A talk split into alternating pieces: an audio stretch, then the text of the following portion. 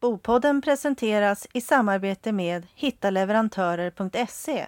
Det snabba och effektiva sättet för bostadsrättsföreningar att hitta rätt leverantör.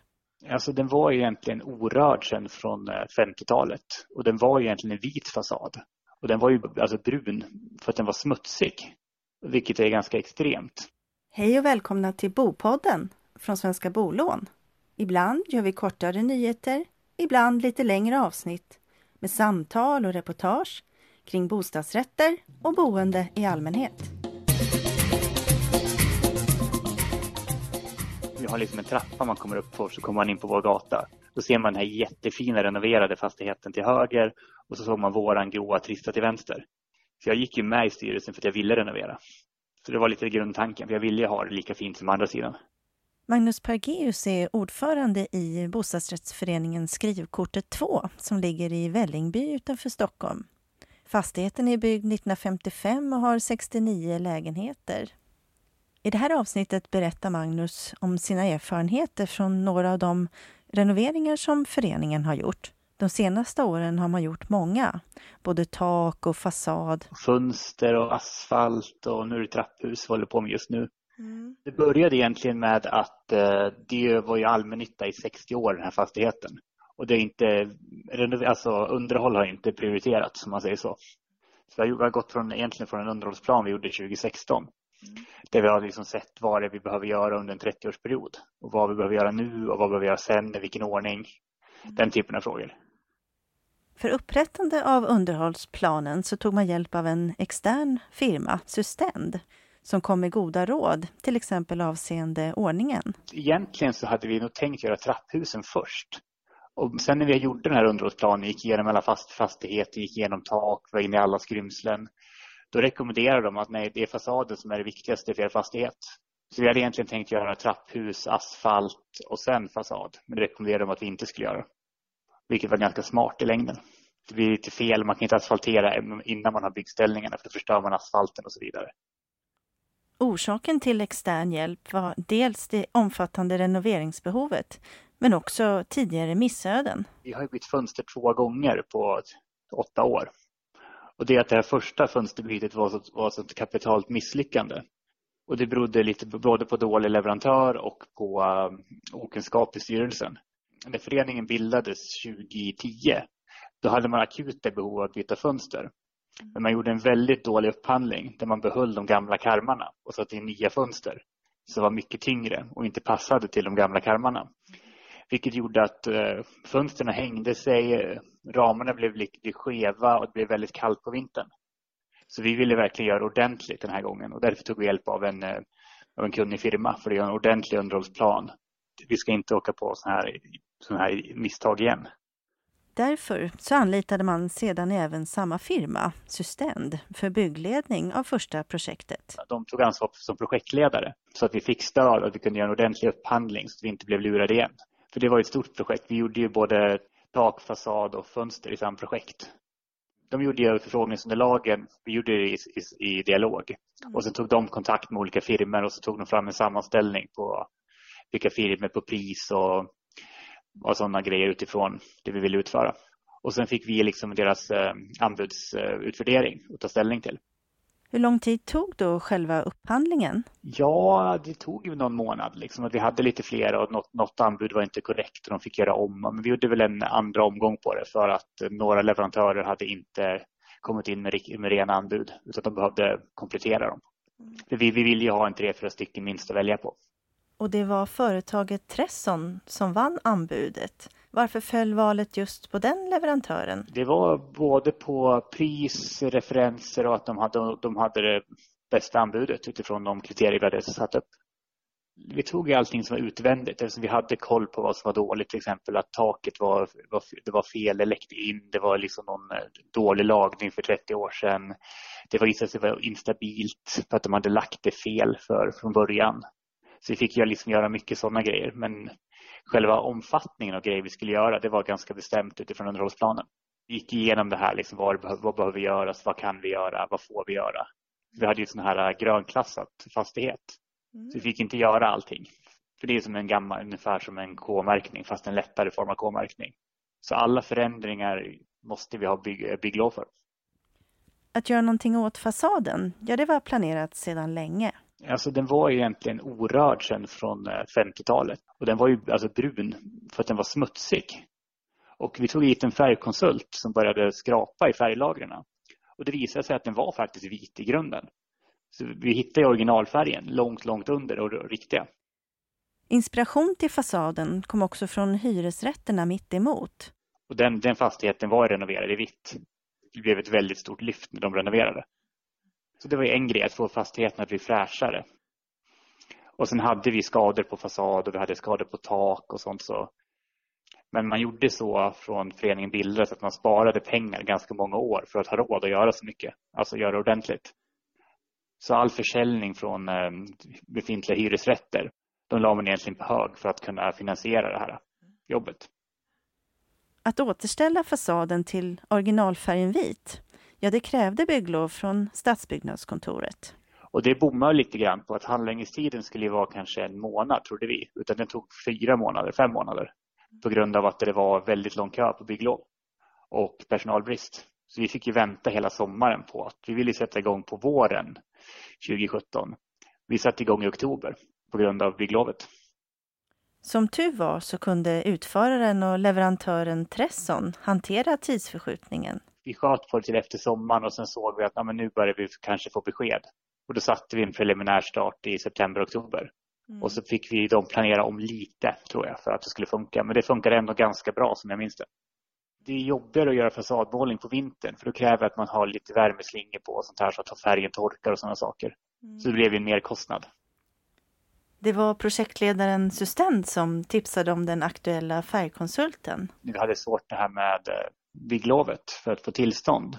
Då sa de att det kunde vara väldigt svårt med grönklassade hus om man inte hade ett ordentligt underlag. Till exempel en av de här som remissinstanserna, de trodde inte på att huset hade vitt som originalkulör. Så det var väldigt bra att vi hade ett ordentligt underlag och ordentligt liksom, någon som var duktig på det som kunde vad det handlade om. För annars hade vi nog inte fått igenom under, alltså, slutet. Och den färgkonsulten hade jobbat på stadsbyggnadskontoret så hon visste ju liksom processen och hur det funkar och vilket underlag som behövdes. Så det var ju väl investerade pengar. Eftersom färgkonsulten tidigare hade arbetat med grannfastigheten så fick man också reda på vilken typ av vitt de hade använt. Och dessutom så fick man god hjälp med helheten. Vi har inte hela fastigheten vit utan vi har två små hus som hänger ihop med hela längan. Ett är blått och ett är grönt. Och så garageportar så att allting blev liksom harmoniserat, att det blev bra färgkombinationer också. Problemen med fönstren som läckte in med mera var specificerat i originalofferten. Och vid projektets start så trodde alla inblandade att det skulle räcka att renovera upp karmarna. Men det fick vi ganska snabbt klart för oss under projektets början att det kommer inte gå, för det kommer inte lösa problemet. Det här kan, det här kan hålla ett år, två år, men sen kommer det bli exakt likadant igen. Och då fattade vi beslutet att vi måste göra en riktig lösning. Då bytte vi alla fönster. Igen. Den tekniska lösningen blev en ram i ramen. Ja, vi gjorde insticksramar så vi förstörde inte det som har gjorts på fasaden och lagningarna utan det var en ram som är aluminium som sitter runt den gamla ramen. Och det gjorde det möjligt. För hade vi fått göra det från början och ta ut de gamla ramarna då hade det blivit jätte, jättedyrt. Så det var därför man inte hade bytt fönster ordentligt första gången för det var för dyrt att ta ut karmarna. Då hade man gjort en snållösning och behållit karmarna och satt in nya fönster utan att tänka på konsekvensen. Men de här, den här lösningen gjorde att vi slapp göra det. Du tar ut sådana här gamla ramar ur en sån gammal fastighet och tar du bort halva fasaden runt fönstren. Renoveringsprojekt och upphandlingar, det är inte alltid lätt. Det svåra är ju att ha rätt liksom, omfattning på det. För det är ju det här med äter som man får lära sig ganska snabbt om att eh, det kostar aldrig så mycket lite som man tror i specen utan det dyker alltid upp saker som inte ingår. Som man kanske tror ingår. Och det är sådana saker som man liksom verkligen får vara beredd på att det kan kosta 20 procent mer. För man vet ju aldrig vad som finns i gamla fastigheter eller Nej, jag tänker till exempel, vi hade ju en sak som bomputs. Vi hade ju tagit med en viss antal lagningar i spesen. Men det var ju fortfarande det var ju sämre kvalitet på putt eller på fasaden än vi trodde. Så vi fick ju betala för mycket mer sådana lagningar än vi hade trott. Vi fick köpa en massa plywood för att stärka upp taket eftersom det var lagt fel från början och det var lite instabilt. Så fick vi köpa plywood för en halv miljon. Så det är sådana saker som man inte räknar med. För det är mycket när man lyfter på saker och tar, som börjar knacka loss och då upptäcker man oj, det var det här för någonting. Och, mm. Jag tror vi hade en fuktskada också som, som hade gått in i fasaden ganska högt upp och det var också svårt att se innan man liksom kom upp med ställningar och kunde ta bort saker och se vad som behövde göras. Äta, eller äter som Magnus nämnde, det är alltså arbeten som inte finns specificerade vid starten av ett visst projekt. Och lite rörliga kostnader eller extra timmar, ja det måste man nog alltid enligt Magnus räkna med. Vissa saker blir ju bok och räkning. Det kommer man inte ifrån. Men man försöker, och sen lägger man in för mycket i själva offerten. Då, tar de, då lägger de in en riskpremie också som kanske är onödig. Så det blir en balans. För det oförutsedda tar ju leverantören, då tar de en risk. Och då lägger de gärna på lite pengar. Ja, men så ibland är det billigare, ibland är det mycket dyrare. Så det är svårt att veta. Man försöker hitta en balans, att man försöker få med så mycket som möjligt. För man vill ju att det ska stämma med offerten så att det inte blir jättedubbelt så dyrt. Just därför vi hade gjort en ordentlig underhållsplan och tittat igenom alla brister, alla skrymslen, alla läckande rör, allting vi kunde hitta. Så vi hade en ganska bra överblick innan. Fördelen med att ha Systent som en extern projektledare, den var stor. De skrev ju betydligt bättre specer än vi kunde och la in marginaler och sådana saker som inte vi hade tänkt på. Så det var ett jättebra stöd på det sättet. Och ha någon som kunde prata med byggfirman på deras språk på rätt sätt och trycka på rätt saker. För som förening har man ju sällan den kompetensen och det hade inte vi heller. Och speciellt om fastigheter. Det är ju liksom en, det är en specialkunskap. Det kan ju vara att någon är en, projekt, en IT-projektledare i jobbet men kanske inte alls kan någonting om bygg, byggbranschen. Då kan det också bli en krock att man förutsätter vissa saker som inte alls stämmer i den här branschen. Och så vet man inte vad man ska göra och har aldrig gjort det, då är det lika bra att ta in någon som vet vad de pratar om. Så att man inte går på en riktig blunder. För det blir lätt om man inte kan någonting att hamna i eh, leverantörens boll lite grann. Det de säger låter bra, men man, man, man vet inte riktigt vad det betyder och man kan inte ställa bra motfrågor. Så det är bra att alltid ha någon kompetent person i ryggen när man gör större projekt. Efter allt det utvändiga, ja då blev nästa projekt asfaltering och åtgärd av markområdet utanför fastigheten. Ja, vi hade ju undermineringar runt fasaden, alltså att det började sjunka ner på massa ställen. Så det var vi också tvungna att åtgärda och lite avlopp som var igensatta under där och brunnslock som stack upp för att liksom asfalten sjönk ner men brunnslocket var liksom uppe på ett berg kan man säga som en kulle. Så det rann ju aldrig ner något vatten i dem. Och så, tro, så hade vi misstänkt vattenläcka på övre delen av, ett, av, en, av en brunn som vi trodde hade gått in i fastigheten. Så vi, vi bytte ut alla brunnar också. Redan före det stora fasadprojektet så hade man tagit in lite offerter avseende asfalteringen. Den här gången så valde man leverantör på egen hand. Och då valde vi att gå med liksom den stora som jag hade haft bäst kontakt med innan. Och sen tog vi in, vi tog in fyra offerter och valde mellan dem. Men vi tyckte ändå att det, alltså, det var säkrast att gå med ett stort företag som även var det bästa, bästa priset. Vi tänkte att det var ett ganska enkelt projekt. Valet att ta en av de stora visade sig dock inte helt oproblematiskt. Sen blev det att de tog in en underleverantör som inte var lika bra. Så det blev inte ett jättelyckat projekt heller. Det var inte så bra skött, men det gick, gick i hand det också. Och där kanske inte var att det kostade så mycket mer i slutändan, men att det gjordes på ett ganska dåligt sätt.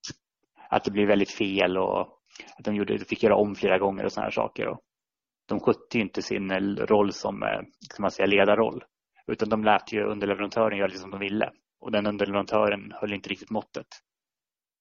Men det är en risk, det ska man ju också tänka på att man ska, ska man ta en stor leverantör då ska det stå deras märke på ryggen också på de som kommer att göra jobbet. För det kan ju finnas bra underleverantörer och det kan finnas mindre bra. Men eh, eftersom vårt val var egentligen att gå med en stor firma för att få en, en seriösare leverantör så var det lite, lite, det blev lite fel. Man kan ju kravställa det också i offerten och säga att vi vill inte ha någon underleverantör, vi vill att ni ska utföra jobbet själva. Och det är också svårt när man gör en liten, en liten bostadsrättsförening för då har man ju också, det är ett litet projekt. För en stor aktör så är det inte, inget, inte det viktigaste liksom, så man hamnar ganska långt ner i kedjan. Jag tänker på en generell grej man lärde sig, det är att man, man ska ju aldrig betala innan allting är klart och godkänt och alla restpunkter är hanterade. För de, de stora är väldigt dåliga på att hantera saker efter det är betalt. För det är deras värde de är i princip klara. Och det är egentligen för dem tror jag upplevs som ett störmoment att de ska fixa någon list här eller göra något, någon smålagning här för det blev inte bra. Utan en grej som tar en halv dag kan ta en två månader att få gjort.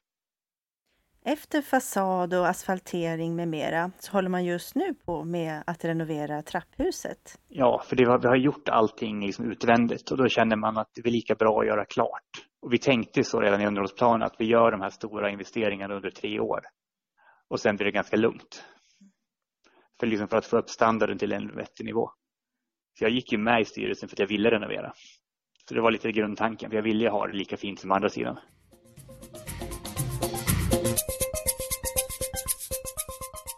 Bopodden presenterades i samarbete med hittaleverantörer.se.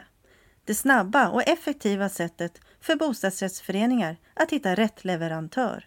Gå in på hittaleverantörer.se. Varmt välkomna!